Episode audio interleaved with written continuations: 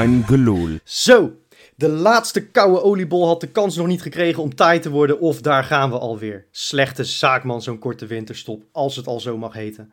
Je hebt van die gewoontes, van die tradities, die je pas gaat missen als ze er niet meer zijn. Ik had persoonlijk nooit gedacht dat nieuwsberichtjes als Feyenoord is veilig geland in Oostenrijk daarbij zouden horen, maar verdomd. Sommige mensen kijken met nieuwjaar altijd naar schansspringen. Ik zou nu een licht vergrijp plegen voor een haperende stream van een oefenpotje tegen Würzburger Kickers, waarin de vierde rechtsback van Feyenoord onder 19 ineens best wel aardig meedoet. Maar nee, de zieke boeg heeft amper tijd gekregen om leeg te stromen. Het gaat meteen alweer om de knikkers. En het wordt zo'n maand waar je als Feyenoorder altijd doodsbang en tegelijk veel te hoopvol naartoe leeft. Aanpikken of afhaken, dat cliché is gelukkig hetzelfde als alle andere jaren. Net als de onverwachte winteraankoop. Stiekem toch wel lekker hoor, al had ik hem liever eerst wat minuutjes zien maken tegen het tweede van Erzgebirge Aue om de op hol geslagen verwachtingen wat te temperen. Nu moet onze beer echt meteen los, anders kan over vier weken die hele transfer al nagenoeg zinloos blijken te zijn geweest. Lucas zegt zelf dat hij wel van die druk houdt. Nou, dat is alvast mooi. Laten we dan maar gewoon hopen dat Prato minder lang wacht met prikken dan Hugo de Jonge. Een gloedje nieuwe aftrap van een gloedje nieuwe Kangeloel, die ik uiteraard niet in mijn eentje ga maken. En wat heet, het is de allereerste van 2021 en die maak ik samen met Jopie. Hey. En met live uit het land van Overkindval, Henke Larsson en uh, John Guidetti, Sjoerd. Hi. En Sjoerd, jij bent uh, patron van het eerste uur van Kangeloel. Ja, bijna. Al een hele tijd in ieder uur. geval. Ja, wel, wel lang al, ja. ja. Ja, uh, de mensen die de Los Patrones podcast uh, luisteren, die we speciaal voor onze uh, patrons elke week extra maken, die zullen jou al wel kennen. jij bent de, de luisteraar met de podcaststem die beter is dan die van alle podcasters. Ja, dat vind ik wel leuk dat je dat zegt. Ja, zelf hoor ik dat niet zo. Maar ik, ik, ja, ik, ik, ik voel me elke keer weer gevleid. En daarom stuur ik ook uh, nagenoeg elke week echt een, een vraag in van twee minuten. Die in principe helemaal niet echt een vraag is, maar meer gewoon een soort ja, geoude nul over niks. Ja. Ja, ja en j- jij woont in Zweden. Uh, dus jij volgt Feyenoord altijd een beetje op afstand.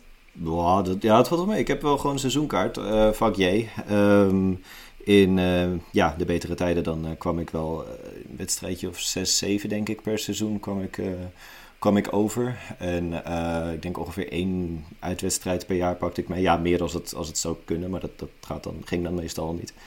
Um, maar ja, ja, ik kon er nooit zo goed mee omgaan dat er bij echte belangrijke wedstrijden dat er geen plekje in de Kuip voor mij zou zijn. Dus daarom heb ik die kaart wel altijd aangehouden, ja. Slim. Nou, dan kun je deze maand je lol op, uh, Ja, feest.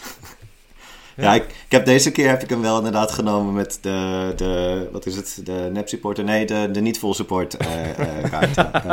ja. precies. Ja, voor zekerheid. Ja, ja. Heel slim. Ja, goed. Ja, Freek, jij had het over die maand januari. Volgens mij is, willen we het daarover gaan hebben, want ik heb eens even zitten kijken. Ik ging natuurlijk uiteraard deze uitzending voorbereiden. Ik zag dat schema en ik kreeg daar toch een kleine lichte hartaanval van. Van het is echt een bomvol programma wat we in de maand januari hebben. In 22 dagen hebben we zeven potjes en niet de minste. Dus ja, wat, uh, wat is het gevoel zo vlak voordat we gaan starten met die, uh, met die horrormaand? Ik, ik moet zeggen dat ik dat, dat, dat gevoel. Het is, het is vooral dat er drie grote wedstrijden in zitten. En dat je dan altijd wat. Zo'n een gevaar dat je, dat je misschien over wedstrijden heen gaat kijken. Ik bedoel, wij gaan het uh, natuurlijk straks wel over, over Sparta hebben. Maar eigenlijk hebben we het nu inderdaad al meer over uh, Ajax, AZ en PSV. Ja. En dat is, dat is, ik denk dat als spelers zo denken dat daar een heel groot gevaar in schuilt. Dat, ja, want dat, dat soort dingen, een programma als het geheel zien, dat werkt bij Feyenoord zeer zelden volgens mij. Of, ja. ja. ja. dat herken ik wel. Nee, maar het is, het is wel waar. Want ik, ik was dus in de veronderstelling, ik had me dus nog niet per se heel goed in dat schema gekeken, dat we in de maand januari alleen tegen Ajax, PSV, uh, nou, Sparta en AZ zouden spelen. Maar ik had dus niet door dat we elke uh, woensdag dus ook een wedstrijd hebben. Want we hebben echt een, wat ik zeg, een bomvol programma. Waar bijvoorbeeld na Sparta staat PEC al te wachten. Dus, dus, dus ik dacht, na, na Sparta hebben we Ajax die week daarna. Nee hoor, nee, dat is gewoon, gewoon PEC nog tussendoor. Dus het is, uh, het is iets, uh, iets drukker dan ik had verwacht. Natuurlijk ook nog een bekerwedstrijdje tussendoor tegen Heracles. Ja, dat is toch weer. Hè, dan heb je speciaal heb je die Euro Europa League heb je niet uh, overleefd. Denk je, hè, dan doen we het goed en houden we wat ruimte over. Doen we het weer zo goed in de beker dat je ook weer daar extra wedstrijden krijgt. Het is toch. Ja. Het is zwaar, Die, hè? wat zal Brian Linsen daarvan vinden? Die was volgens mij stiekem best wel blij dat hij uitgeschakeld was. Die dacht, hé, hey, die hebben een rustige programma. Nou, niks ervan, Brian. Je moet gewoon aan de Profiteren van het drukke programma van, eh, van de concurrentie. Nou ja, dat gaan we zien deze maand inderdaad, eh, in Ja. hoeverre dat gaat lukken. Ja, het is wel wat dat betreft natuurlijk een, een, een interessant blok meteen. Want eigenlijk ga je nu pas een idee krijgen van waar je staat ten opzichte van de rest. We hebben een relatief makkelijke eerste seizoen zelf eh, gehad. Nou, dat ging al af en toe met hangen en wurgen. En ja, ik, ik zeg het nog maar een keer. Het is een beetje een dooddoener. Maar als je dan deze maand ineens eh, aantoont dat je die grote wedstrijden wel allemaal wint. Ja, dan ziet het seizoen er ineens een heel stuk anders uit. Ja, ja. Haak je deze maand af, verlies je deze maand twee, of, eh, twee van de drie directe confrontaties. Ja, dan is het seizoen ook wel meteen een beetje klaar. ja, maar dat is natuurlijk ook wel weer een beetje kort door de bocht. Want ja, die, die andere teams moeten natuurlijk ook tegen elkaar. Dus je weet, ik bedoel, je, natuurlijk heb je sowieso aan het eind van deze maand heb je pas een beeld. Maar in februari is de eerste wedstrijd, is weer Groningen uit. Dat is ook niet dat dat opeens een hele makkelijke wedstrijd is of zo.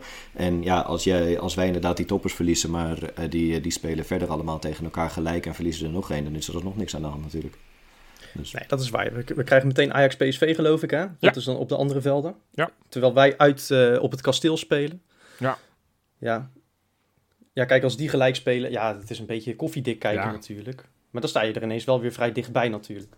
ja, Nee, maar, maar kijk, wat, wat, wat dat is, volgens mij is het is wel terecht wat jij wel een beetje zei, Freek. Van, je hebt natuurlijk de eerste competitiehelft, heb je 14 wedstrijden in die competitie gespeeld. Tegen met alle respect toch de mindere ploegen. Hè, we hebben, nou ja, de van, de, van de ploegen die aan het rechte rijtje staan, staan vind ik alleen Vitesse en, en, en echt een goede tegenstander dit seizoen. Alles wat daaronder zit is toch even een slag minder.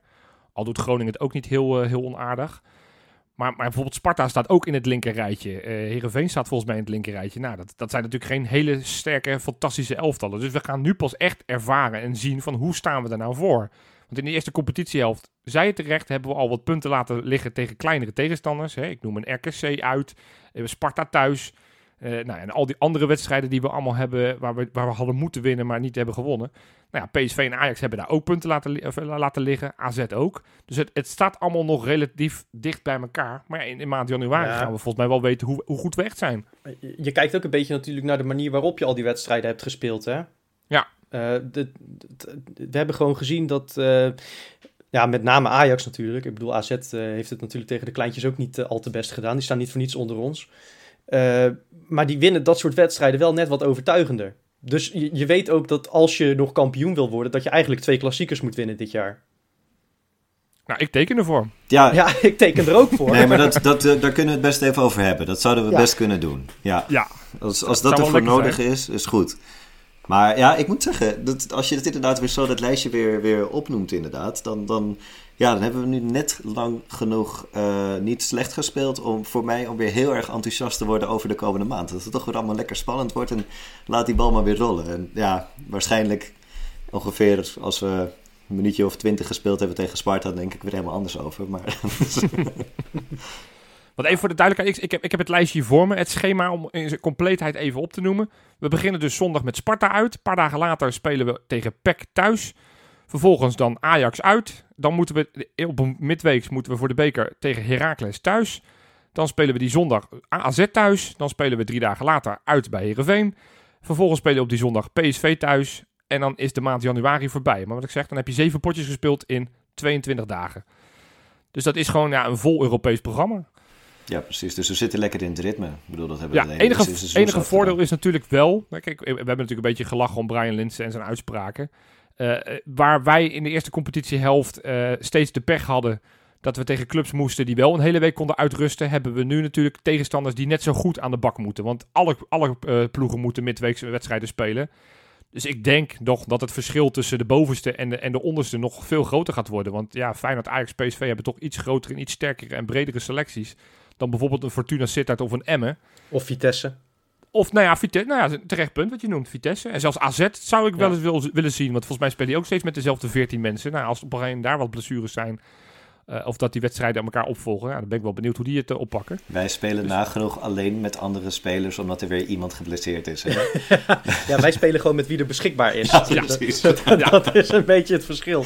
Ja. Ja, nou ja, wat dat betreft natuurlijk wel. eh, ja, het, het begint net te vroeg misschien hè, met Sparta. Maar eh, het- dan is het wel lekker dat je, dat je Bijlo straks weer terug hebt. Bozeniek straks weer terug hebt. Sinisterra is weer fit. Ver is er weer bij. Dat is wel even een ander elftal natuurlijk dat je meteen aan de aftrap zet. Hè? Ja, Ja, als, het, als het inderdaad in, in, elkaar blijft, zeg maar. Als, eh, Ja. Ja. Want dat is natuurlijk steeds de angst die je bij dit Feyenoord hebt dit seizoen. Elke keer als er een speler terugkwam, dan, dan raakten er weer twee geblesseerd. Ja, precies. Dus, dus ik durf daar nog niet helemaal op rijk te rekenen. Sterker nog, ja, je noemde bijvoorbeeld, je begon die rijtje met Bijlo. Nou, zover ik weet is Bijlo in ieder geval nog niet fit voor dit weekend. Ja, ik, ik, ik begreep ook dat hij nog niet fit is voor Ajax uit. Ja, dan mag je hopen dat hij er zo langzamerhand daarna zo'n beetje staat. Want het zou zonde zijn als hij pas half februari aansluit. Want dan, dan hebben dus al die drie toppers heb je bijvoorbeeld al gehad. En heb je de eerste ronde, althans inmiddels is het de vierde ronde geloof ik, van de beker heb je inmiddels ook al gehad. Dus ja, dat zijn wel spelers, ondanks dat Marsman het hartstikke goed doet, die je er graag wel bij hebt. Jongens als Ver, jongens als Bijlo, jongens als Sinisterra, jongens als Bozenik, die, die zou je er toch wel vanaf het begin lekker bij willen hebben. Ja, Ja, nee, zeker. Ik merk Abs- eigenlijk dat ik toch wel weer een beetje opportunistisch ben. Want ik bedoel, in dit zegt nu inderdaad Bijlo, maar Marsman die heeft hem voorlopig zo goed, goed vervangen dat ik denk van ja, dat vind ik allemaal nog wat te overzien. Ik heb eigenlijk liever dat we weer eh 90 minuten lang eh Sinisterre kunnen zien. Hoewel die, Ja. Ja, dat, dat, dat is echt hetgene waar je, waar je op het veld natuurlijk wel meer verschil mee gaat maken. ja, Nou ja, we hebben dus- natuurlijk eh, vorig seizoen maar twee toppers eh, gespeeld eigenlijk. Ja. Met advocaat. Want die, die eh, wat Stam in de arena heeft gedaan, dat tel ik even niet mee. Dat was geen topper. Nee. Nee, maar ik, zeg maar, voor mij is vorig seizoen gewoon begonnen op het moment dat Stam de deur uitging. Ja. Ja. Zo tel ik hem eventjes. Ehm, maar dan, dan zag je wel dat Sinisterra in die, wedstrijden te- of in die wedstrijd tegen PSV, vooral thuis natuurlijk, echt de doorslag kan geven op zo'n moment. Hè? Dat die, eh, die Dumfries het helemaal eh, kwijt was. Maar was even van. eh, Was, was, volgens mij was Dick Advocaat nog niet. dit was nog niet de trainer toen we tegen PSV speelden, toch? Ja, tuurlijk wel. Wel? Dat was, was midden in de winter, man. Dat was dik in december, PSV thuis, met die hattrick van Berghuis. Oké. Nou, dan heb ik dat even niet scherp. Ik dacht dat Advocaat eh, toen nog niet op de bank zat, maar ik. eh, ik Jouw jouw ik- geheugen als het gaat om wedstrijden is af en toe echt onnavolgbaar, eh, Johan. ja, ja, is niet mijn allersterkste punt. Gelukkig weet Dat- je waar dat- ik wel heel goed in ben, Freek. Ja, ik wou zeggen dat we jou ooit een rubriek hebben gegeven over Feyenoorders in het buitenland. Dat is eigenlijk een wonder. Of, of is dat gewoon omdat je nooit verder teruggaat dan afgelopen weekend? Dat dat, dat nog net gaat? Dat lukt nog net. Nou ja, ik ga dan net iets langer door, want ja, ik moet natuurlijk vanaf de laatste podcast moet ik gaan meten. Deze, Ja. ik, eh, ik ga de bakens doen, jongens. Bakens in de vette. Ja, 2021 is gestart. Dat hebben we inmiddels allemaal wel geweten. En de eerste doelpunter, doelpuntmaker van Nederlandse komaf is een oud Feyenoorder. We Yes! gaan na- naar Saoedi-Arabië. Op nieuwjaarsdag speelde Al-Fateh tegen Damk. Of hoe je dat dan ook uit mag spreken. En bij Al-Fateh in ieder geval niet zo, denk natuurlijk, ik. Maar doe nog maar een keertje. eh, Al-Fateh. Al-Fateh. Nou, in ieder geval, Al-Fateh speelde met Mitchell tevreden in de spits eh, tegen Damk. En eh, nou ja, na 48 minuten was het raak. Scoorde Mitchell tevreden de 0-2. En een beetje een klutsgoal. Maar goed, die tellen ook. Uiteindelijk werd de wedstrijd 1-2 gewonnen. En dat is een belangrijke overwinning. Want ze, ze stijgen weer wat eh, meer naar de middenmoot. En ze nemen wat meer afstand van de onderste plekken. Nou, een pak van mijn hart. Ja.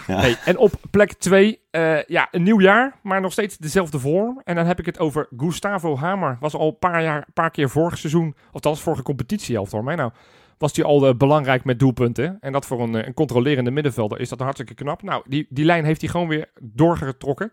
Hij moest met, eh, met Coventry spelen tegen Millwall uit. En eh, hij maakte de 0-2. Aanvankelijk schoot hij de vrije trap keihard in de muur. De rebound dacht hij, weet je wat, ik plaats hem nu gewoon alsnog in die goal. En maakte daarmee de tweede goal. Uiteindelijk werd het 1-2, dus hij was feitelijk de matchwinnaar. Hartstikke goed van Gustavo Hamer. Doet het ontzettend goed daar bij Coventry. En dan op nummer 1. Ja, ik hoor jullie denken, want ik zie hem allemaal weer voorbij komen. Ik word weer 24.000 keer gementiond. Rick Karsdorp, Rick Karsdorp. Nee, ja, bij, assist is niet goed genoeg deze week, jongens. Nee, Ja, maar wat, hij, hij, hij heeft geloof ik zes assists gegeven als rechtsback Ja. dit seizoen. hij was Dat is ook in de gekozen. Serie A gewoon hartstikke knap, man. Ja, man, man van de wedstrijd is die ook gekozen. Hartstikke knap. Maar ja, goed, we hebben iemand anders die ik toch ook graag in het zonnetje wil zetten. Eh, zijn debuut in de bakens. Het is namelijk een speler die vorig seizoen nog in de Kuip te bewonderen was. Eh, niet heel veel, want hij was ook al heel snel geblesseerd. Toen hij er wel in stond, maakte hij meteen een goal. Ik heb het namelijk over Usjakub, onze Turk die we gehuurd hebben van Besiktas vorig jaar. Dit seizoen nog niet voorbij gekomen in de, of in, de, in de bakens. En dat heeft ook simpelweg de reden, is dat hij wederom vrijwel niet speelt. Hij is daar wisselspeler, mag af en toe invallen. Een kwartiertje hier, vijf minuutjes daar, tien minuutjes hier. Zelden een basisplaats. Besiktas draait als een trein, staan nummer 1 in Turkije. Dus er is ook niet per se reden om hem eh, erin te zetten. Waren het niet dat het deze week de week van Ujakub was. Want eh, vorige week maandag, net nadat wij de podcast hadden opgenomen, moest hij spelen tegen Sivaspor. Hij was reserve, kwam erin in de 79ste minuut. Nou, en je voelt hem al aankomen. De wedstrijd was toen al beslist, want het was toen al 0-2. Maar in blessuretijd maakte hij de 0-3 met een gewoon een rake, rake schuiver achter de keeper. Eerste goal in het shirt van Besiktas dit seizoen. En afgelopen weekend moest hij weer spelen. Wederom zat hij op het bankje. Moest, uh, moest spelen te tegen Kayserispor. Uh, mocht pas in de 82e minuut invallen met een 0-0 stand. Nou, hij kwam erin en iets later kregen ze een penalty, werd gemaakt. En iets later gaf hij een haarfijne assist op de uiteindelijk 0-2. Dus een goal en een assist deze week Keurig. voor Oguzhan Ushukub. Ja, dan win je wel van Karsdorp. Oké, nee, dat Jawel, toch? Oké, oké, nee, terecht. Uh, er was nog een andere oud-Feyenoorder in, in Turkije eh, die wat minder positief uh, in het nieuws ja, kwam natuurlijk. Ja, dan, ook, ook dan gaan we weer naar Nieuwjaarsdag. Of nou ja, Oudjaarsdag, maar net wanneer je telt. Maar inderdaad, uh, Omar El Abdaloui, tegenwoordig spelend voor Galatasaray. die had, kwam wat minder goed in het nieuws. Die heeft namelijk vuurwerk in zijn hand zien ontploffen. Is Hens, wil ik zeggen. Maar is Hens, ja. nee, ja, tweede graad uh, brandwonden. En uh, zal sowieso plastische chirurgie nodig hebben om, uh, om het, de schade in zijn gezicht en ook aan zijn hand te herstellen. Het is nog maar de vraag of hij blijvende letsel heeft aan zijn ogen. Dus ja, het is vrij sneu, best pittig. Ik hoop dat hij er goed uitkomt, want nou ja, had net een transfer te pakken naar, naar Galatasaray. Speelde daar eigenlijk alles. Maar ja, dit gaat wel even wat roet in het eten gooien. Ja, dat is niet heel handig natuurlijk. Als serieus, je... roet in het eten. Ja, serieus. Oké. Okay. Ja. ja. die was, die, dat was denk ik geen bewustie als ik, uh, als ik heel Nee, dat was geen bewust. Dat, dat, ik kan, ik kan dat soort grappen niet maken. Dat is bij mij nee. heel per ongeluk. Nee. Okay. nee, ja, maar dat is wel uh, serieus naar voor een voetballer natuurlijk als je ogen uh, eraan gaan. Ja, dus nou ja, hoop nou, op heeft, het beste voor... heeft Van Hanegem daar niet nog een half jaar mee gevoetbald of zo? Die kon, ja, die, die kon een brilletje opzetten. Ik denk dat dat met vuurwerkschade net wat, uh, wat anders ligt misschien. Oh, ik, ik dacht dat hij dat die, uh, echt op, uh, op geluid en zo speelde op een gegeven moment. En ook niet echt meer naar huis kon rijden. Maar, maar goed, dat is van andere tijden. Nou ja, dan ja. doet hij in ieder geval goed aan in ieder geval een, een, een telefoontje te doen naar, naar de krommen. Misschien dat hij hem toch nog wat verder kan helpen. Ja, zijn naam viel al een beetje in het begin van de podcast. Lucas Prato. We hebben ineens een spits. Niet zomaar eentje. De beer uit Argentinië.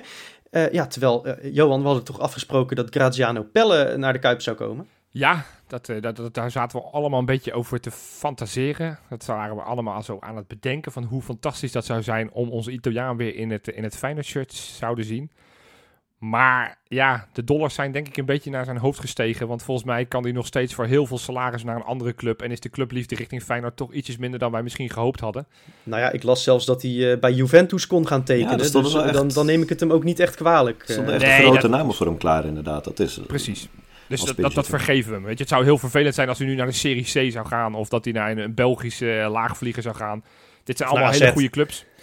Hij is 35, dus is niet de jongste meer. Maar het was wel een speler waar wij natuurlijk lang over nagedacht hebben. Waar wij toch wel nou, lekker baardend naar zaten te kijken. Maar helaas, uh, Pelle ja. gaat aan ons voorbij. Maar we hebben een andere man met weet een baard. Je, weet je wie ook aan ons voorbij gaat? Nou? Ook een naam waarvan we eigenlijk volgens mij in september of oktober al met elkaar hadden besloten van... nou, als dat uh, 6 oktober niet lukt, dan, dan tekent hij in januari wel een uh, mooie huurtransfer. Joshua Sirikzee. Ja, ja. Maar goed, die, die, staat dan in de interesse van Herakles. Die lijkt dan uh, die kant op te ja. gaan. Dan denk ik dan toch van, nou ja, op het moment dat hij afzakt naar dat soort clubs, is het misschien ook wel goed dat Feyenoord er misschien niet goed genoeg heeft gevonden. Want van, ja. van, van Bayern München nou, naar Herakles. Nee, laten we, laten we ons daar niet te veel blind op staren. Die jongen kan echt wel voetballen hoor. Daar maak ik me niet zo druk Ja, maar dan, dan, zou je toch verwachten op het moment dat hij nu weg mag. Hij mag in ieder geval verhuurd worden. Misschien zelfs verkocht. Dan mag je toch verwachten dat het niveau iets hoger is dan Herakles. Met dat zal toch wel gewoon iets te maken hebben met het feit dat daar een of andere Duitse trainer zit. Uh, ja, ja, want Sirkse, ja. Is zo lekker Duits. Nee, maar Bayern wel.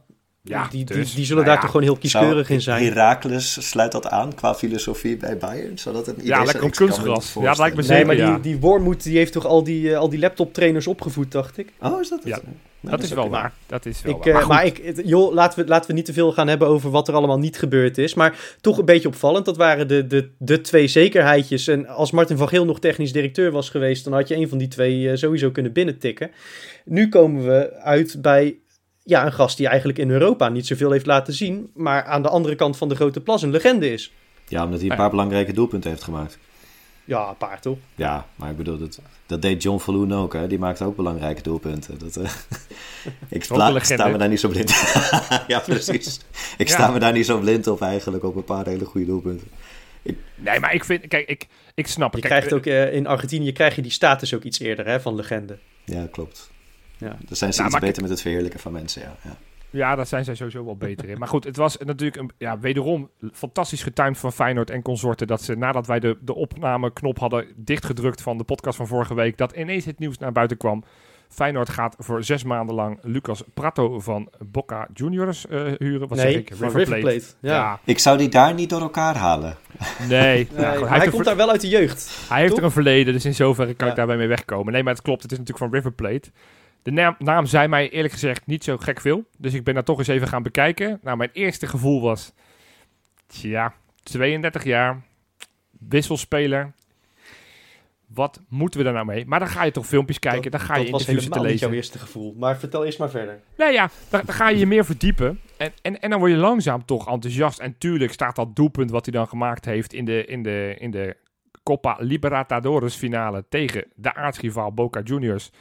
Die werd, eh, werd wel vaker genoemd van dat hij daar Ja, toch dat twee was, keer eh, gescoord dat was die finale die zes keer moest worden verplaatst, toch? Precies. Maar Nou die ja, heeft, hij goed, wel, heeft hij het dus wel goed gedaan in Europa, want dat was toch in Madrid?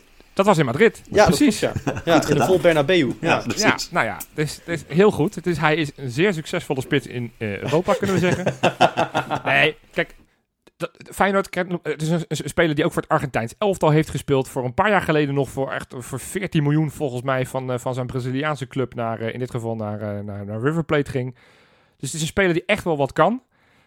Is een beetje uit de gratie gevallen bij, bij zijn club. Maar op het moment dat je, dat je die beelden ziet en ook op het moment dat je ziet van, van hoe belangrijk die toch ook nu nog steeds was, denk ik van ja, dat is toch echt bizar dat Feyenoord dat voor elkaar heeft gekregen. Want dat vind ik met name het knapste. Dit is een club die deze week, hè, die hebben gisteren gespeeld tegen, tegen Boca Juniors. Eh, die moeten, over een paar dagen moeten ze de halve finale van de Libertadores van dit jaar spelen. Nou, dat is toch, dat is toch een absurd grote club. Ja, maar Dat was dus zo belangrijk dat ze hem daar dus ook al niet voor erbij wilden houden. Nou ja, ze wilden hem heel graag houden. Alleen ze hebben gezegd van ja, weet je, we willen deze kans. Want zo praat hij er zelf ook over. En dat vind ik het helemaal bi- meest bizar. Van, ja, deze kans krijg je één keer. Toen dacht ik, ja, het is Feyenoord met alle respect. Maar hij doet voorkomen alsof dit de, de club uit Europa is. Nou ja, kijk, hij heeft, hij heeft in Europa natuurlijk is er de, zijn grootste club Genoa geweest. Ja. Dan, dan is Feyenoord wel een paar stapjes groter natuurlijk. Ja, dat is zo. Maar ik vind het dan wel weer frappant dat hij dan eh, meteen zo hoog van de, van de toren eh, eh, blaast. Tenminste, dat vind ik mooi hoor. Dat, dat moet je ook absoluut doen. Dat, eh, dat deed Guidetti ook. En dat vond ik ook geweldig toen hij dat deed. Maar als je eh, in de afgelopen 31 potjes vier goals en drie assists hebt gemaakt... en je komt dan... Je, je verdient je grote transfer naar Feyenoord en je zegt dan meteen... wel, ja, ik, ik kom hier wel om kampioen te worden. Dan vraag ik me toch een beetje af of je de concurrentie hebt bekeken. Of dat je gewoon denkt van ja, daar winnen ze wel eens met 13 maar- 0 dus maakt het uit. Hij heeft, het, hij heeft natuurlijk, hij, hij zag dat een jaar of twee geleden dat Ajax die verdediger heeft gehaald uit Argentinië. Hoe heet die gozer ook alweer? Magajan. Die heeft hij toen in, in, in De de klassieker 6-2 tegen. Feyenoord gezien. Ja, dus die dacht van nou, als Magajan daarmee kan komen, dan kan ik daar zeker mee. Want tegen Magajan scoor ik ook altijd. Zo moet hij gedacht hebben. Nou Ja. dat, En hij speelt natuurlijk met, met de beste eh, verdediger van de Argentijnse competitie nu. nou ja, dat is natuurlijk wel een bijzonder iets. Want dat werd natuurlijk ook meteen uitgelicht. Van, eh, een paar jaar geleden is Senesi gevraagd wie is nou de beste speler tegen wie je ooit gespeeld heeft. Ja, je moeilijkste, je, je moeilijkste tegenstander, dat was het, Ja, de vraag. nou. de moeilijkste tegenstander Nou, en spits om tegen toen te noemde eh, eh, toch Prato. Nou, dat vind ik dat. En natuurlijk, inmiddels heeft hij, van, al die, van, heeft hij tegen Fredje Friday gespeeld. Zo. En heeft hij tegen, tegen Michael de Leeuw gespeeld. Dus nu snap ik dat hij eh, waarschijnlijk een Lennart andere T. mening toegedaan is. Ja. Maar toen was dat de, de meest moeilijke spits om hem eh, te stoppen. Dus nou ja, dat zegt ook wel iets. Nogmaals, niet alles, maar in ieder geval... Het is, het is een speler daar- die wel wat kan. Daar ben ik, dat, dat vond ik zo'n slecht teken, eigenlijk. Ik ben er altijd een beetje huiverig voor. Als, als spelers dat over andere spelers gaan zeggen. weet Lekker die wel. positieve Eh, reviews inderdaad. Ja, ik weet nog dat eh, Dat, eh, dat was volgens Elia de allerbeste linksbuiten van heel Nederland. Dat kon niet anders dan een sensatie worden. Eh, Diemers, dat was volgens de Feyenoord-spelers, die was onmogelijk om af te stoppen. Eh, ja, ik, ik, ik vind dat altijd een beetje...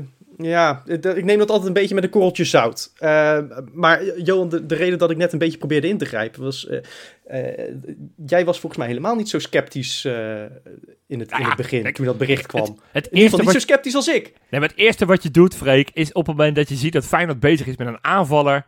Dan ga je naar Transfermarkt of naar Wikipedia. Dan kijk je het aantal wedstrijden, het aantal doelpunten. En dan denk je, hmm, dat valt wel tegen. Dus Nee, maar dat eerste, eerste wij- gevoel was niet dat ik dacht yes. En toen pas later ga je wat onderzoeken. En toen dacht ik, hey, Argentijns International heeft gespeeld met Messi. Eh, is een paar jaar geleden voor een recordbedrag naar, eh, naar, naar, naar zijn huis. Ja, maar laten we wel wezen, Ibrahim Afellay heeft ook gespeeld met Messi, maar die zou ik toch niet halen deze transferperiode.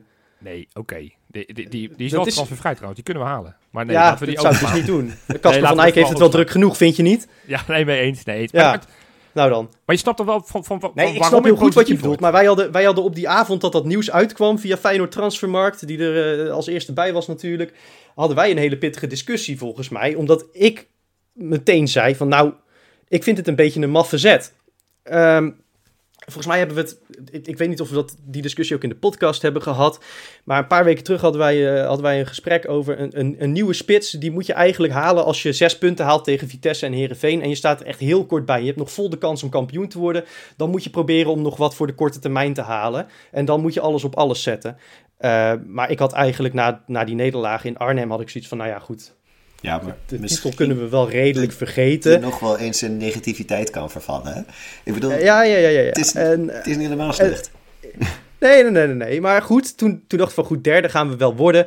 En als ik dan hoor, die gast, die, die was dus de duurste speler in de geschiedenis van River Plate, als ik me niet vergis. Ja. Wij nemen zijn hele salaris over. Ja.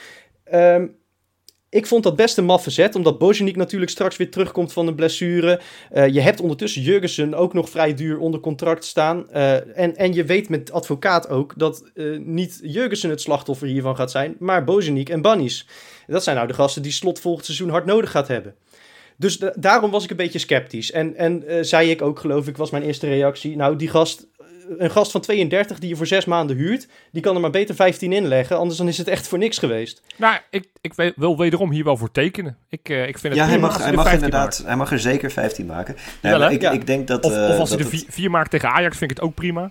Ja, precies. Zeker. Ja, die mag die mooi verdelen over die beide wedstrijden en dan zelf achterin de nul houden. Vind ik ook goed. Ja. Maar ik ehm, eh, denk dat het. Ik, ik ben, was in eerste instantie, snapte ik het ook niet helemaal dat, eh, dat hij kwam. Maar dan ga je toch wat langer nadenken. Nou ja, ik bedoel, Jopie is enthousiast over de beelden die hij gezien heeft. Maar volgens mij is zijn hele grote kracht, is, eh, is nou ja, precies zijn kracht. Hè? Dus, ehm, en dat is wel fijn, want dat is gewoon een ander wapen dan we op dit moment hebben. Eh, we hebben nu met eh Jurgensen hebben we een soort van ja, allrounder die meevoetbalt, zeg maar. Dan heb je, kan je eventueel ehm, eh, ja, die eh, opportunisten Linsen kun je er neerzetten. Of eh, snelle goochelaar eh, Sinisterra, die helaas niet zo heel goed kan schieten. Dan is dit weer een andere mogelijkheid. En dan kun je wel een keertje weer variëren. En ik denk dat je ehm, nu juist ook, zeker deze maand, eh, het wel eens zo zou kunnen zijn dat je eh, tegen wat de gegenpressing elftallen kan gaan spelen. Die dus, eh, Ah, ja, eh, wat mooi. Ja, mooie woorden. Ja, ja. Laten we het voetbal Is, technisch houden. Maar, Is, is Hi- Hiballa weer gesignaleerd Ja, in Nederland dan met zijn Nee, gegenpressing? Wat ik bedoel te zeggen, dat, dat tegenstanders dan hoog druk op ons gaan zetten. En wij hebben eigenlijk, eh, eigenlijk het hele seizoen met, met, met Linsen en Jurgensen en Berghuis... hebben wij niet voor i- iemand staan waar je een lange bal op kan geven... die eh, zijn tegenstanders twee ellebogen geeft en eh, ja, die die bal aanneemt en we door kunnen spelen.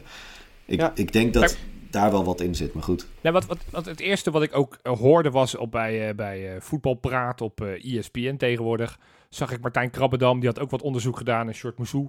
En die noemde het ja, een opgepluste Mitroglou. Met de snelheid Ja, van en hij zou een beetje te dik zijn, Ja, en, nou, ging, goed, ging het dat- verhaal. dat- Goed, dat, zeiden ze van Gutsen ook, dat leek ook wel mee te vallen. Ja, maar goed, ik, ik ben gewoon even die beelden gaan kijken. En ja, nogmaals, het zijn wel met name beelden van twee, drie jaar geleden. Dus het is niet per se helemaal representatief. Maar het is, een, want ze noemden het een speler die totaal geen snelheid had. Maar bijna al zijn doelpunten maakt hij omdat hij eh, de ruimte zoekt achter de verdediging. Dus dat hij steeds diep gaat. Dus dat hij steeds weggestoken wordt. Of dat hij goed de positie weet te kiezen achter de verdedigers. Kortom, het is geen speler die alle ballen in de voeten wil. Toch een beetje zoals Jurgensen. Maar het is een speler die juist zeg maar, wat meer in die diepte gaat, eh, gaat lopen. En ja, of hij dan heel snel is of niet, dat moeten we gaan zien. Ik hoop voor dat, dat hij wel snel is. Want dan hebben we er ook wat aan dat hij iemand in de diepte ingaat. Maar als Nou, het een dat- wedstrijd is, dat, je, dat, je, dat je flink teruggedrukt wordt. Hè? En ik kan me voorstellen in de arena dat je met name heel erg dicht tegen je eigen 16 speelt. Is zo'n spits net wel even wat lekkerder dan met alle respect een Bozeniek die niet per se heel veel ballen vasthoudt. Of Jurgensen die wel wat ballen vasthoudt, maar voor de goal niet klaar speelt. Is dit wel bijvoorbeeld een speler die, die daar wel het verschil in kan maken? Nou ja, ik ben ook in de, in, in de tussentijd wel een stuk positiever geworden dan wat ik net zei. Ehm, Yes, yes, het is me Het gelukt. is gelukt, jongens. nee, Ja. nee, nee, maar dat, dat- dat- ik was nog halverwege mijn verhaal. Ik was Ah, mijn oké. proces aan het omschrijven van de afgelopen anderhalve week of zo. Ja. Ja, Ehm, kijk, in de tussentijd is het natuurlijk wel zo. Hij heeft, uh, Sjoerd begon al over, over dat brani-schoppen van hem. Ehm, ik kom hier om de titel te pakken en de beker doet, het, doet hij er ook maar bij. En ik leef voor die topwedstrijden en ik ben niet bang voor kunstgras. En ja, weet je, zal allemaal wel. Uh, dat, dat kan allemaal wel een beetje grootsprakerigheid zijn. Uh, hij wordt dan ook nog de beer genoemd. En waarom? Omdat ik vrij groot ben. En inderdaad, hij heeft een beetje fysieke kracht. En het is een ander type. Maar het is vooral die Brani die me wel aanspreekt in, met de maand die we ingaan. Want wij hebben eigenlijk net wat te weinig klootzakjes in het elftal. Ja. Weet je, ik, ik, ik had het met iemand erover dat hij inderdaad uh, de, de, de gorilla werd genoemd uh, en, en, en later dus de beer. En ze nou, dat uh, klinkt een beetje Kazimig. Ik weet niet of we daar nou blij van moeten worden. Maar eigenlijk denk ik dat wij een type Kazim momenteel heel goed kunnen gebruiken. Want we hebben veel te weinig spelers die oorlog maken als het niet loopt. Jurgensen, nou ja, sorry, maar die, dat is, de, ja... Ja, die maakt oorlog met zichzelf. Die, die, precies, die, maakt, die, die heeft vooral oorlog in zijn hoofdje. Ja. Uh, dat is heel zielig, maar die, die, die, gaat niet meer, uh, die heeft niet meer het vuur in zijn ogen. Die gaat niet meer voorop in de strijd. En uh, zonder nou weer in, in, clichés te vervallen van dat Feyenoord altijd met strijd en, en hard werken en niet voetballen. Maar iemand die even de beuker ingooit, dat is in de arena wel lekker natuurlijk. Ja, ja niet alleen in de arena, dat maakt me niet zo uit natuurlijk. Het is nee, en ook in het Philipsstadion en ook op het kasteel als het even niet loopt. ook lekker zijn, ja. Precies. En, kijk, en, en ik, ik kan toch niet geheel aan de indruk onttrekken dat de aankom, de, de, de, de, het halen van, in dit geval van, van Prato, dat het ook betekent dat Feyenoord iets met die andere vier spitsen gaat doen. Of het nou Vente is, Bannis, uh, Jurgensen of, of Bozeniek. En dan denk ik met name toch dat Jurgensen nu extra in de uitverkoop geprobeerd wordt te zetten. Dat zou mooi zijn. Op het moment, en het, het, het sluit echt niet uit, hè? Op het moment dat er nu een Deense club zou zijn die zegt van, weet je wat, we willen hem voor een half jaar huren, dan denk ik dat Feyenoord dat gewoon gaat doen. Gewoon voor hem, dat hij zijn zelfvertrouwen weer terugkrijgt, dat hij zijn marktwaarde weer kan, iets kan oppoetsen. Want op dit moment is het natuurlijk geen club die daar nog iets voor neerlegt. Ja, en, en dan heb je inderdaad wel heel veel spitsen. Nou ja, hetzelfde geldt voor Bannis en Vente. Die moeten gewoon minuten gaan maken. Dus Ja. ik denk dat, dat het halen van Pratta ook gaat betekenen dat een van die vier die ik net noemde, en waarschijnlijk dan Bozeniek niet, die andere drie denk ik dat die allemaal een kans maken om uiteindelijk, zij het niet voorgoed, dan wel op huurbasis te vertrekken. Ja, ik, ik- ja dat, dat denk ik ook. En dat zou, dat zou ook moeten, hè. Ja. Eh, en wat ik er ook positief aan vind, eh, want ik begon ook hè, met mijn sceptisch van hij is best wel duur, denk ik, voor een half jaar. Het, er zit, het is echt puur voor de korte termijn. En hij moet er eigenlijk in januari al staan, anders is het al een beetje zinloos geweest.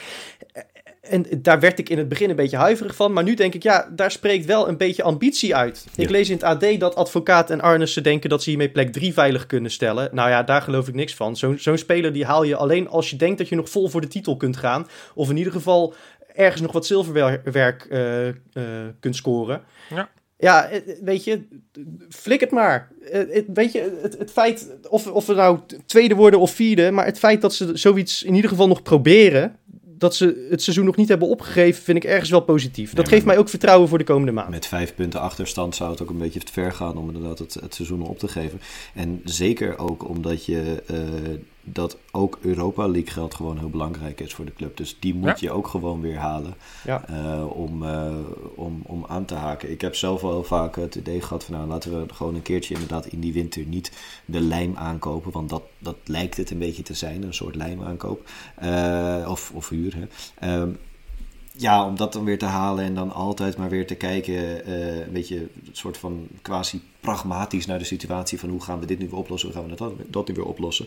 Ik heb nu het gevoel dat er wel iets meer ja, beeld zeg maar achter het, eh, ja, visie inderdaad eigenlijk dat erachter zit. Ja. Dus dat hoop ik dan maar.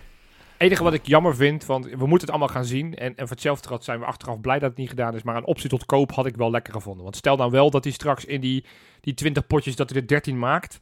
Ja, dan, kunnen, dan kan Feyenoord hem nooit meer betalen. En ja, dan is het de speler van 32. Maar dan was het wel lekker geweest aan de voorkant dat we geen moeilijke onderhandelingen hebben met die Argentijnse club. En dat je gewoon kan zeggen, hier heb je 2 miljoen, nu is die van ons.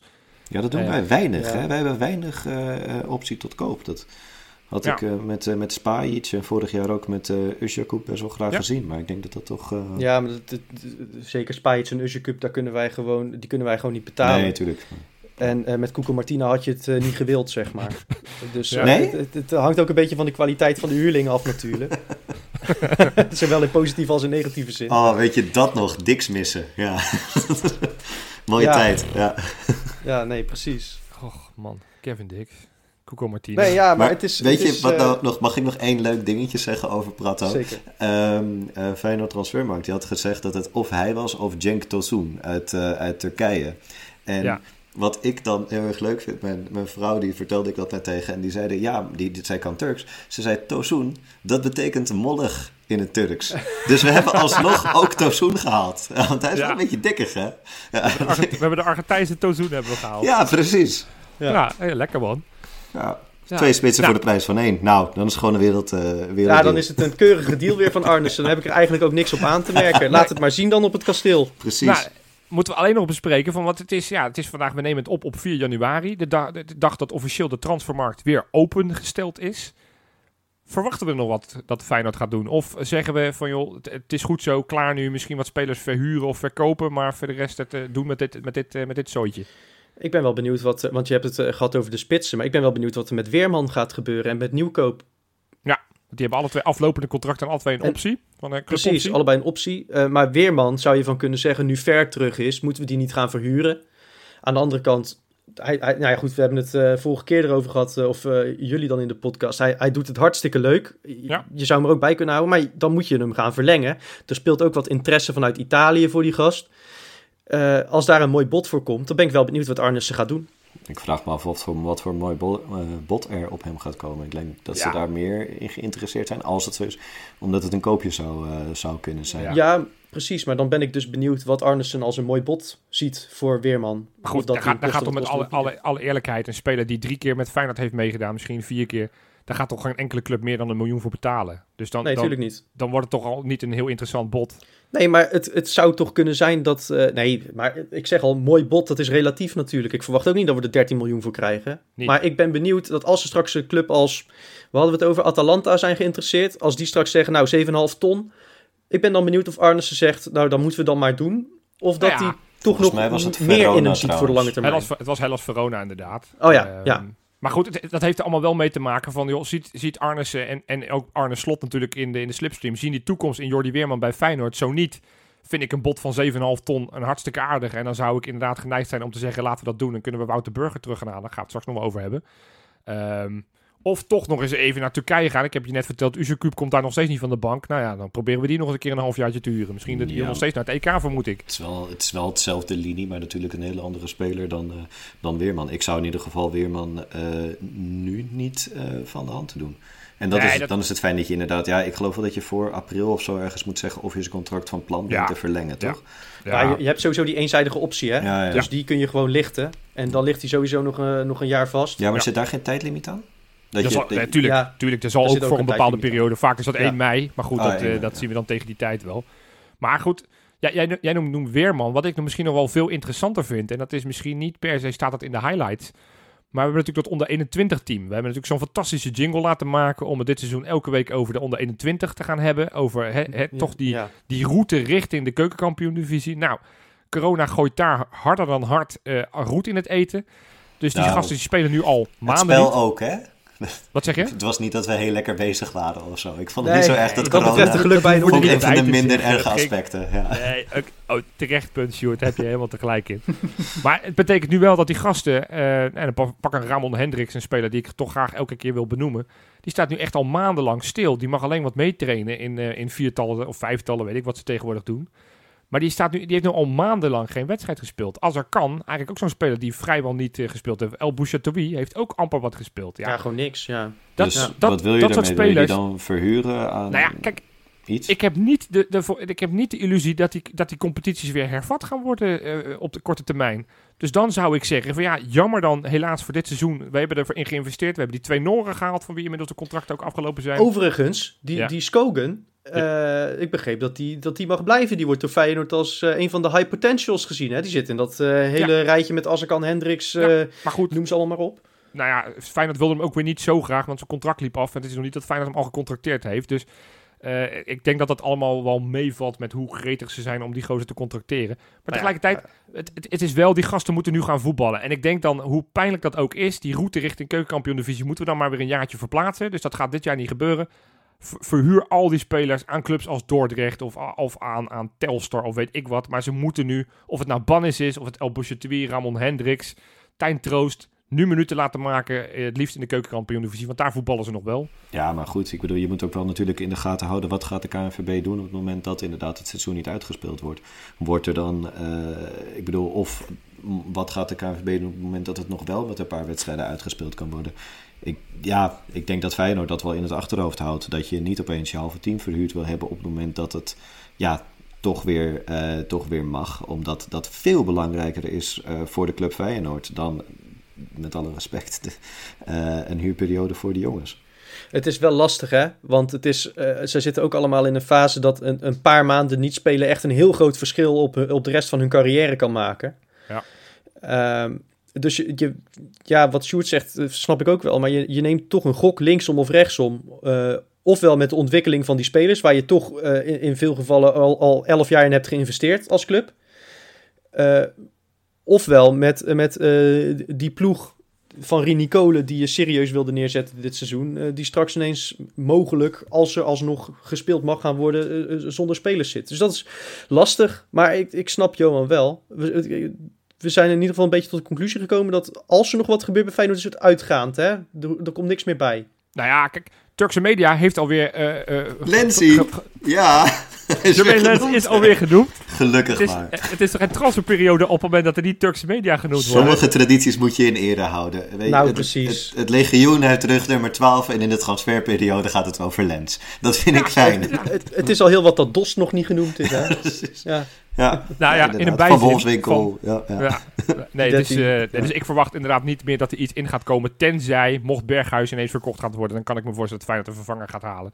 Ja, Hetzelfde hetzelfde voor Senesi, maar Haps. volgens mij Maar is ja, dat Volgens mij speelt dat, is dat niet, eh, niet eh, op dit moment in het, in het spel. Nee. Dus ik denk dat er, dat er hooguit inderdaad spelers verhuurd gaan worden. Nee, maar sowieso als je, als je eh, een, een spits huurt voor zes maanden om die plek drie veilig te stellen, ga je niet je aanvoerder verkopen, denk ik.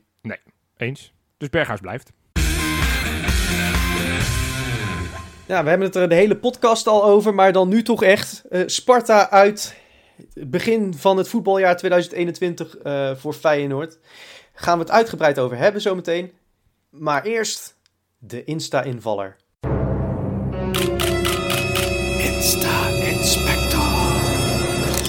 Ja, jongens. Ja, dus dit was. eh, ik ben vandaag de Insta-invaller. Invaller, zeg maar. Ik neem het niet over van Wesley, ik neem het over van, eh, van Rob. Dus de kwaliteit van deze rubriek wordt nog minder. Ehm, ik heb eh, wat, eh, wat foto's doorgestuurd gekregen eh, uit de befaamde Kangaloo app, waar ik zelf dus niet in zit. Dus het zijn ook matige screenshots, wat het extra leuk maakt. het eerste berichtje wat ik lees is... Bozeniek heeft nieuwe tanden voor kerst gekregen. Ja, goed. Doe er je voordeel mee met die kennis. Ehm, ja, het, het zag er leuk uit in het filmpje. Het leuke is ook dat, dat Wesley precies een screenshot heeft genomen... op het moment dat hij... ehm, eh, dat hij knippert. Dus misschien dat we deze, dit screenshot überhaupt al door moeten sturen naar, eh, naar de Insta-account. Onze eigen Insta-account.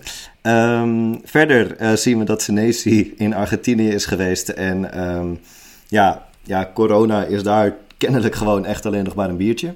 Ehm, die, heeft, die heeft heerlijk staan, eh, eh, ja, lekker met iedereen op de foto geweest en zo. En ja, ook de familie geknuffeld, wat ik ook weer begrijp. Want als je, ja, als je in Rotterdam zeg maar een foto aan hem laat zien van zijn familie, dan is het... eh, dan heeft hij twee dozen Kleenex nodig. Dus ik, ik, ik snap wel dat, eh, dat hij ze dan knuffelt. Maar goed, eh, daar gaan we het zo meteen eh, in eh, de voorbereiding over Sparta volgens mij nog eventjes over hebben. Denk Eh, wel, ja. ja, dan eh Bijlo, die, ehm, ja, die komt eraan. Ja, die heeft een foto eh, gestuurd of op online gezet. Dat Je leest, ook, je leest ook letterlijk... oh Ja, ik heb toevallig de screenshots ook gezien. je leest letterlijk op wat erbij staat. Daar had Wesley bij gezegd. Bijlo komt eraan met een Ja, foto van dat hij treedt. Nee, Hij, hij staat in de sportschool. Ja. ja, Hij zat in de sportschool. Ja, je gelooft Of het niet, maar die werkt dan zeer De sportschool is Ja, natuurlijk dicht. Maar, ja, ja. zou ik ook doen. van Feyenoord. Ja. Ja, maar goed, ik bedoel, hij komt eraan, dus, eh, dus eh, let op. Eh, helaas dus eh, waarschijnlijk naar de klassieker, maar goed. ja. Eh, verder heeft eh, Roy Mackay, die is bezig eh, skypen of zoomen, weet ik veel wat, met supporters voor de, met Bayern München supporters geweest voor de wedstrijd tegen Mainz. En dat is wel leuk, want hij heeft dus ook een, een Bayern München shirt aan. Dus ik denk dat ze een, een triple XL uit de, uit de fanshop hebben weten te vissen. Ja, Maar goed. zijn oude shirt past niet meer, denk Ik ik. denk het niet. Nee. nee. Die is wel lekker aan bijsnabbelen, hè? Makai. Die zie ik, eh, die biertjes is die voortdurend bezig. Bij Bayern München moet hij om de haverklappen op, opduiken om, eh om Ja, wat, eh, Is wat Makai bezig met biertjes? Echt waar? Ja, Makai. hij ja, brouwt ze tegenwoordig, hè? Hij brouwt ze, maar eh, volgens mij is het eentje, voor, eentje verkopen, eentje voor Roy. Eentje verkopen, eentje voor Roy. Wat dat Ja, groot gelijk heeft hij. Weet je wel, wa- waarom Ja. zou je ook als, als oud sporter... eh, weet je, we zijn niet allemaal Ricardo Moniz die denkt dat hij, eh, dat hij nog net zo fit moet zijn als ze linksbuiten. Kom nou, geniet toch lekker van je pensioen, man. Ja, nee, volledig natuurlijk eens. Ja. Ja. Nee. Wel, wel saillant trouwens dat hij dan uitgerekend tegen Mainz eh, mag, eh, mag opdraven. Want dat is natuurlijk eh, de ploeg van Jeremiah Sint-Juste en eh, Jean-Paul Boetius uit de Ja, Ja, en, bakens. en die stonden met rust gewoon 0-2 voor, hè? In, eh, in München. Dus ik dacht, ach, nou, daar, daar komen Hadden de die dan een bakens. plekje verdiend, of niet? Nou ja, uiteindelijk hebben ze met 5 of 6-2 verloren. Ja, nee, Dus, oké, maar als ze dat nou vast hadden gehaald. Of als die scheids gewoon had gezegd van jongens, 45ste, ik bedoel, Of als- minuten, we, we nokken ermee. ehm. Oh, jij wil, jij wil nu begrijpen, jij, jij wil nu uitleggen over de, de selectiecriteria van hoe je in de bakens komt? Nee, Nou dan- goed, dan had nee, ik- nee, nee, sorry, dit is Wesley. Nee, Rob, nee, mijn rubriek. eh, rubriek. Ehm, ja, nu wel, eh, zeg maar, eh, nog wel een wat, eh, wat, wat serieuzer eh, ding. Eh, het is natuurlijk eh, op het moment dat wij dit, eh, dit opnemen, is het eh, precies eh, tien jaar geleden dat, eh dat Koen Moulijn is, eh, is overleden. En daar Ja. heeft eh, vooral ja, Feyenoord zelf, maar ook eh FRFC 1908, eh, die heeft daar eh, wel heel veel aandacht aan eh, besteed met een verschrikkelijk mooie spandoek eh, Koen voor altijd de grootste. En Ja. ja, dat, dat is hij natuurlijk ook. En ja, ik heb zelf heb ik daar ook wel het filmpje van gezien van, van, van Adrie Moulijn. Die ik ja, zelf, omdat ik natuurlijk ook niet zo heel oud ben, ik ken haar eigenlijk ondertussen meer als de weduwe van dan de vrouw van. En ja, kijk, heel Rotterdam is natuurlijk haar man nog altijd wel dankbaar voor het feit dat. En houdt nog altijd van hem, zeg maar, voor alles wat hij voor Feyenoord betekend heeft eh, in zijn carrière. Maar het lijkt mij vooral heel, heel tragisch dat, dat de meeste van je gesprekken, die als iemand je weer aanklampt, zeg maar, dat het dan gaat over, eh, over je tien jaar overleden eh, man. Tenminste, ja, ik, ik, ik, ik snap bij, dat ze blij is met de trots die er, die er voor hem is. Maar ze zei zelf ook dat ze toch altijd wel blij is als de, als de dag voorbij is. Dat vind ik dan wel weer eh, heel triest. Ja. ik vond het wel heel, heel slim wat Feyenoord deed. Want ik heb ook een interview gezien van Koevermans. Die ook hier stil bij stond. En die zei, ja, we hadden het graag... Ja, vier is niet het goede woord, maar stil bij, willen staan. Hè, tien jaar na dato. Maar die maakte dat heel slim. Deden ze van, ja, zijn shirtnummer was natuurlijk 11. Hij zegt van, dan doen we het volgend jaar. Maar als hij elf jaar eh, heen Ja. gegaan is met zijn shirtnummer... waarbij supporters er wel bij kunnen zijn. Toen dacht ik, nou, dat is slim op geanticipeerd. Ik ben benieuwd wat ze gezegd hadden als hij shirtnummer 44 had gehad. Of ze dan nog, nog 33 jaar hadden gewacht. Maar dit, eh, dit Nee, was dat is gewoon, eh, gewoon slim inderdaad. heel slim. En het is, ja, wat ik zeg, zo'n zo'n icoon verdient ook eh, jaarlijks eigenlijk toch weer de aandacht. Wij hebben hem allemaal niet zien spelen. Ik, ik heb natuurlijk de samenvattingen en de beelden wel gezien. Maar iedereen die wat ouder is en het heeft over Koen Moulijn, daar, die, daar gaan zijn ogen van stralen. Dus het is wel echt een speler die heel veel betekend heeft voor onze mooie Ja. club. Wij, wij hebben afgelopen zomer hebben we de eer gehad om met Eddie Treitel en met eh, Joop van Dalen podcasts op te nemen. Als je die vraagt hoe goed Koen was, dan, eh, dan, dan houden ze niet op met praten. Dan, Ja. dan, ze Wereldkampioenen voor wie anders dan, hij eh, anders dan zit je er nog steeds. Ja, ja. Het is echt, eh, ja, Ja. met zoveel respect en bewondering en, en ook voor de, voor de persoon Merlijn. Dat is heel mooi om te zien dat dat nog steeds, eh, ja, Ja. die heeft echt wat losgemaakt.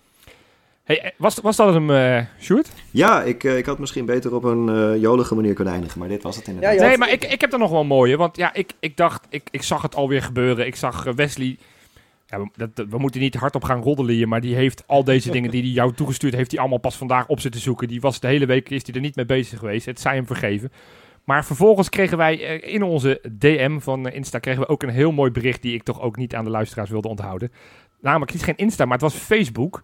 Op Facebook gebeurde het namelijk dat Joke Kreijermaat onder een bericht, een video van onze nieuwe aankoop, hè, De Beer, Ja, El Oro, eh, heeft Joke toch? Kreijermaat, de vrouw van de inmiddels eh, helaas overleden Beertje Kreijermaat, hè, toch Reinier, een, eh, hè? Ja. die eh, had Ja. daarbij gezegd, wegwezen, er was maar één beer bij Feyenoord hoor. Dus dat vind ik dan wel super mooi, dat die vrouw, die, haar overleden man, toch gaat verdedigen. En eigenlijk nu deze aankoop al gigantisch afslacht, omdat ja, die, die bijnaam die hoort maar bij één Feyenoord. En dat ben ik wel een beetje eens. Hij, hij, heeft een, eh, hij heeft een andere bijnaam nodig. Daar ben ik het helemaal mee eens. Ja, want er is maar één beer bij Feyenoord. Onze beer is heel wat mans. Dat, ja, eh, in het begin op, van zijn carrière speelde hij in, eh, in Chili, was hij uitgeleend. En toen noemden ze hem daar de Gorilla. Nou, dat vind ik een, ook ja, geen niet zomaar gorilla, iets- een, een manische gorilla of zo, toch? Nee, Echt, maar eh, hij was vernoemd naar een, een tekenfilmpje. En, eh, ah, Oké. Ma- Magilla Gorilla, dat is blijkbaar een Ja. tekenfilmpje in, eh, in Zuid-Amerika. En daar was hij naar vernoemd. En dat was, ik heb hem op zitten zoeken. Die, en dat zag er imponerend uit, die gorilla. Dus eh, Nou, laten we dan daarvoor gaan, want er is inderdaad natuurlijk maar één beer. Ja, maar er is ook maar één gorilla in Rotterdam, hè? Ja. Bokito. Ja.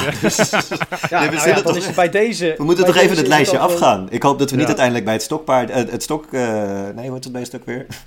Stokpaardje? Stokstaartje. Ja, stokstaartje, dat was hem. Maar dan, heet hij jou. toch gewoon bij deze Bokito. Oh ja, dat kan natuurlijk ook wel. Ja, Ja. nou, opgelost. Ja. Het, overigens, over, over Prato gesproken. Hij heeft zin in zondag. Want ik zag hem op het eh, vliegveld van eh, Buenos Aires met een shirt eh, van Mickey Mouse. Dus hij, hij heeft zin in de eredivisie. Nou, hier hartstikke goed, man. De Mickey Mouse competitie. Eh, ja, en, en waar dan beter te beginnen dan op kunstgras? Ja, maar dat kan die. Dat kan die. Mhm. Daar heeft hij ervaring op. Dus aan hem ligt het niet. Gaat hij spelen, denk je? Ik krijg hij een basisplaats zondag. Nee, Nee, ik denk het ook niet. Ik denk het wel. Ik denk het niet. Ik denk dat eh, advocaat begint met Jurgensen en dat hij eh, halverwege eh, of na een uurtje mag, mag invallen. Oh, ik, ik denk echt, het zou mij echt niks verbazen als hij gewoon al zondag in de basis start. Ja, het zou eigenlijk wel moeten, hè? Anders, als je hem niet als basisspeler haalt, wat dan? Maar Ja. hij heeft natuurlijk... Hij heeft, hij heeft nu nog apart moeten trainen, omdat hij een paar keer negatief getest moet worden.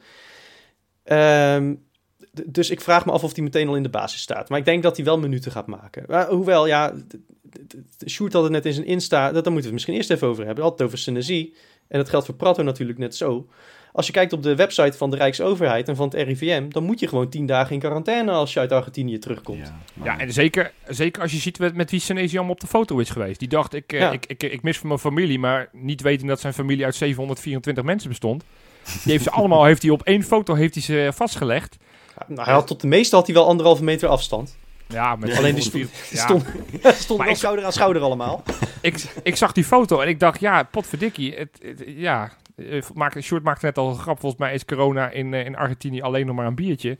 Je, je gaat het bijna denken, want het, het leek alsof daar de regels totaal niet bestaan... en of daar geen afstand gehouden hoeft te worden. Ja, ik vind het wel lastig om, om nou elke keer, eh, want dat, dat is de laatste tijd sowieso een beetje in de Insta-inspecta, maar om maar op basis van foto's eh, Daar te moeten gaan bepalen wie zich allemaal wel of niet aan de, aan de regels houdt. Dat is wel een Eh, beetje en, daar dan heel erg met een vingertje over te gaan zitten wijzen. Kijk, Feyenoord heeft volgens mij de langste ongeslagen reeks eh, van Europa als het gaat om coronabesmettingen. Eh, dus ik hoop dat eh, Casper van Eyck eh, snapt wat er, is, eh, wat er gebeurt en, en dat het allemaal goed is afgestemd.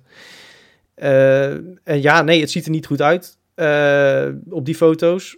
hij zou in quarantaine moeten. Vindt Henk van ja. Stee ook, hè? Ja, nee, daarom, daarom beginnen we Ja, erover. Zegt Kijk, anders dat hadden we het er niet over gehad. Ik bedoel, Van Eyck die, die, die zegt gewoon, ja, we testen hem en dat, dat zijn de regels die we hier volgen. Ik kan me niet voorstellen, ik kan me absoluut niet voorstellen dat Feyenoord een speler eh, eh, zou, weg zou laten gaan, zeg maar, binnen tien dagen. Eh, ja, zeg maar dat hij, dat hij daarna tien dagen in quarantaine zou moeten. Ik kan het me echt niet voorstellen. Nee, natuurlijk niet. Nee. Nee, ja, er is een uitzondering voor profvoetballers, maar die geldt volgens mij alleen voor wedstrijden in het buitenland, niet per se voor familiebezoek. Ja, Nou, Dus, en eh, ja, kijk, eh, ze zeggen ze trainen nu apart. Eh, ze worden inderdaad gewoon getest.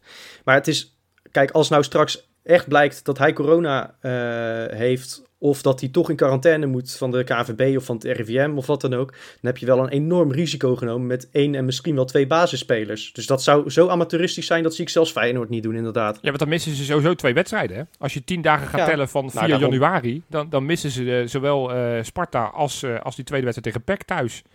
Ja. En ja, dat is- zijn dan de kleinere wedstrijdjes met tussen nu is aanhalingstekens. ehm, eh, Prato natuurlijk op Oudjaarsdag in Nederland aangekomen. Dat is waar. Ja, je hebt gelijk. En Ja, ik ze- weet niet wanneer Senesi is teruggekomen. Die laatste foto dateert geloof ik van 1 of 2 januari. Ja. Maar dat kunnen ook oude foto's zijn natuurlijk. Nee. maar Nou ja, dan heb je natuurlijk... Maar kun je dan gelijk daarna spelen? Als jij eh, tien dagen in quarantaine hebt gezeten, dan kun je misschien op een loopband thuis lopen. Ben, je dan wedstrijdfit? Ik denk dat je dat ik ook geen. Senesi wel. Maar zullen we er gewoon van Hmm. uitgaan dat het allemaal wel goed zit? Ja, Denk het. laat het hopen. Ja, Want zonder hopen. tegenbericht dan eh, hoeven we daar ook niet te veel over te speculeren. Het is, we, kunnen daar toch niks zinnigs over zeggen vanaf eh, van de buitenkant natuurlijk. Maar goed, dus de- terug naar de wedstrijd tegen Sparta. Jij zei Ja. Jurkensen in de spits. Sjoerd Ja. dacht het ook. De variant die we de laatste wedstrijd voor de winterstop hadden, die, die zien jullie niet gebeuren. En dan met Sinisterra op linksbuiten. En dan Lins in de spits. Nou ja, Ah ja. Sinisterra op linksbuiten, dat klinkt al zo goed dat het mij niet eens meer uitmaakt wie er in de spits staat. Daar heb ik zoveel zin in om dat hele wedstrijd te zien.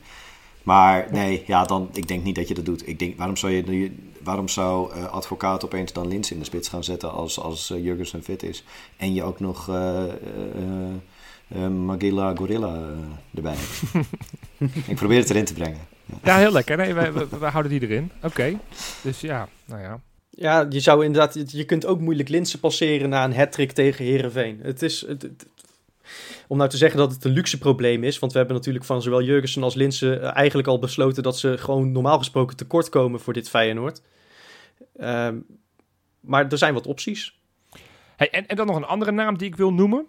We hebben het al vaak genoeg over gehad, maar nu wordt hij wel heel erg relevant. Eén, omdat de transferperiode open is. Anderzijds, omdat we aanstaand weekend tegen hem spelen. Wouter Burger komt daar niet echt aan te pas bij Sparta. Wat moet Feyenoord ermee doen? Want er- ik hoorde ook alweer geluiden dat Feyenoord toch van plan was om hem weer terug te gaan halen. En dan waarschijnlijk net voor Sparta uit. Dat zou natuurlijk ook weer heel flauw zijn. Moeten we hem terughalen of zeggen we, probeer nog even dat halfjaartje in ieder geval eh, hoge ogen te gooien bij Sparta? Nee joh, laat hem lekker daar. Ik zeker daar laten. Ja, Jawel hè? ja gewoon. Je hebt, je hebt met Weerman heb je een prima alternatief. eh Toornstra kan op 6 spelen. Eh, en eh, ik, de- ik denk dat, dat Burger nog wel kon bovendrijven in die tweede seizoenshelft. Dat sluit ik helemaal niet uit. Ik hoop het. Misschien, eh, misschien moet eh, Sparta gewoon die Haroui verkopen. Dat, eh, dat zou ook al helpen. Dan, eh, dan is er weer een plekje vrij op het middenveld. Dan komt Wouter Burger er vast wel in. Nou ja, we spelen er zondag tegen, dus we kunnen toch gewoon even helpen. Precies. Je wil, je wil gewoon de tribune inschoppen. Dat zijn jouw woorden, niet de mijne. Oké, Ja. nee, ja. ja Oké, is ook een interessante tactiek. Kunnen we ook hanteren. Ja. Nou goed, wat, laten we maar gaan voorspellen, jongens. Wat verwacht je Ja. ervan? Sparta uit. Op kunstgras, een van de weinige ploegen nog in de Eredivisie. Sjoerd, wat denk je? Eh, qua uitslag? Ja. Eh, ja, een, eh, een, een solide 1-2, denk ik. Nee, helemaal niet solide. Echt een, een, een rotwedstrijd, denk ik. Ja. Zijn er nog mensen die, de- die je eruit wil lichten die een bela- belangrijke rol gaan vertolken? Ehm, eens even kijken. Nou ja, ik hoop natuurlijk echt wel op, op Sinistera die de winnende maakt. Ja, daar gaan we voor. Oké. Ja. Freekie? Ja, eerste wedstrijd na de winterstop. Koud, uit, op kunstgras, tegen een laagvlieger. Het zijn van die... Nou, staan, eh, staan negen, hè? Gaan ja, maar linkerrijtje. traditionele laagvlieger. Ze zouden zijn een die- laagvlieger van- moeten zijn. te- Ja. Tegen een, tegen een, eh een Feyenoord-huurling. Het zijn van die ingrediënten voor een dramatische middag. Maar dat wordt het niet. Het wordt inderdaad gewoon een solide 0-2. En eh Prato, die eh, laat meteen van zich horen. Ik weet niet of het met een goal gaat zijn. Maar die kegelt er wel een paar omver. Pakt in ieder geval geel. Ik wil even zeggen dat als reguliere luisteraar dit een van mijn favoriete dingen is van de hele podcast. Freek die zeg maar 40 minuten aan het zeiken, mopperen en klagen is en daarna zegt ja, we winnen wel hoor. dat vind ik zo mooi. ik blijf dat geweldig vinden. Lekker. Ja, Stop goed, daar nooit mee. Nee. Ik wil gewoon altijd beter. Ja, Dat is het ja, ja, tuurlijk, tuurlijk. Het is, eh, het is uit niets dan liefde, dat gemopper. Ja, ja, ja. Zeker. Nou ja, wat, dan wat ik ga doen is meestal ook wel voorspelbaar, want ik voorspel vrijwel altijd een overwinning. Dus ja, ik denk ook wel dat wij gaan winnen. Ik denk wel dat het een moeizame wedstrijd gaat worden.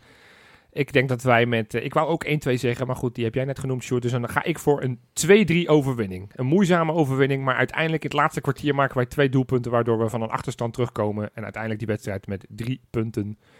Nou, dan, dan gunnen we toch in ieder geval dat die twee Sparta-goals door Wouter Burger worden gemaakt, toch? Zekers, zekers. Trouwens, even een qu- quizvraagje. Eerder dit seizoen hebben we ook al tegen Sparta gespeeld. Wat werd het? 1-1. Eh 0-0. oh, is dat nu Nee. al? Nee, niet 0-0. Was het 1-1? Eh, 1-1 dan. Het was 1-1. Met doelpunten maken aan Feyenoord kant? Eh, Narsing. Nee, Ricciano Haps. Oh ja, Haps. Die ja. hem toen met zijn rechterbeentje... Toen, toen speelde die, eh, die keeper nog die, eh, die ze van Ajax hebben gehaald... die eh, geen, geen bal pakte. Tegenwoordig Van staat er een Leer. keeper die wel bakken, ballen pakt. Ja. Dus eh, dat, dat, eh, dat voordeel is helaas weg. Nee, ja, ik dus dus drie- 3-2. Of dat 2-3 zeg ik. Goed, dan hebben we nog, eh, nog één ding over. Ja, ja. Dan neem ik de taak van Rob over. Ik heb hier, eh, ja, het was een drukke week bij ons eh, op het Patreon. We hebben vijf nieuwe leden. Te weten, Danny Boomsma, Martijn Hoofdman, Mats Struik, Mark Immerzeel en Rick de Leeuw den Bouter. En Welkom. Pierre, wat hebben zij gewonnen? Ja, dat kan Oh. Sjoerd het best beantwoorden. Oh, ja, Sjoerd- Ja, hebben. Ja, zij hebben met zeker met Pierre, waar, waar ik Pierre zei, bedoel ik Sjoerd. Ah, precies. Ja, ja het lijkt ook zo op elkaar. Nee, ehm, naast zeg maar jullie eeuwige dank hebben zij eh, ook toegang eh, tot de Discord eh, hebben zij, eh, gekregen. En in de Discord is eh, het nodige te beleven. Eh, met z'n allen eh, over eh, Feyenoord praten. Wat zeker in, eh, in huidige tijden eh, toch nog wel een lekkere afleiding is van Netflix, zou ik zeggen. Ehm, verder de extra eh, analyses hier en daar die echt heel erg eh, diepgaand eh, zijn. En daardoor steeds interessanter worden. Er zijn er nog extra podcasts zelfs. De Los Patrones, waar echt ja, wel wekelijks twee minuten puur goud in zit als ik, als ik een vraagje heb gestuurd. Ja. En ehm, ja, en de tegenstander natuurlijk. Hè. En dat, dat wordt, de- de- hoe jullie dat voor elkaar krijgen, de tegenstander, dat snap ik echt niet. Gewoon, jullie hebben soms gewoon de coach van de tegenstander, letterlijk, die, die eventjes eh, het hele plan eruit gooit. En vervolgens win je 3-0. Ja. Ik heb het over Hans de Koning tegen. Hans de Koning VVV. tegen VVV. Ja, Ja. Ja. dus we, pro- we proberen ook heel erg, eh, heel erg eh, Erik ten Hag eh, te, te pakken te krijgen. Maar dat, dat lukt ons nog niet, helaas. Nou ja, elke keer als ik, als ik hem bel, dan, dan neemt er iemand op die- alsof hij me voor de gek houdt. Die begint alleen maar heel gek in de telefoon te hijgen met een soort onverstaanbaar gebrabbel. Ja, eh, Dat voel is ik me ook niet serieus Ja. genomen. Ah. Ja. Nee. Goed, nee, nu doen we het alweer zelf dat we alweer naar uit gaan kijken naar Ajax. Laten we eerst Sparta maar eens even de focus op gaan zijn. Ja. Ja. volgens mij zijn we er redelijk doorheen. Ik weet niet of jullie nog dingen willen bespreken. Nou ja, ik wil Sjoerd bedanken. Die, Ja. eh, want wij zaten met wat personele problemen, zo eerlijk moeten we zijn. Ja, Eh, Wesley, Rob en onze stagiair Robin, die, eh, hè, die, die waren niet beschikbaar. Eh, dus Sjoerd helemaal vanuit Zweden. Eh, nou ja, goed, je zit natuurlijk wel gewoon thuis, maar toch. Hm. Dank je wel dat je wilde aanschuiven. Ja, heel en graag. eh, hopelijk heb je, heb je de patrons eh, goed vertegenwoordigd en, en ben je een mooie ambassadeur naar buiten toe, eh, zodat mensen kunnen zien wat er kan gebeuren als je je aansluit bij de patrones. Precies. Nou ja, ik vond het vooral geweldig dat ik, eh, dat ik mee mocht doen. Hartstikke bedankt daarvoor. Dus Mooi. ja. Hopelijk, wat, wat mij betreft, hopelijk tot de volgende keer dan. Ja, bel, bel ons niet, wij bellen jou. tot volgende week mensen. hey.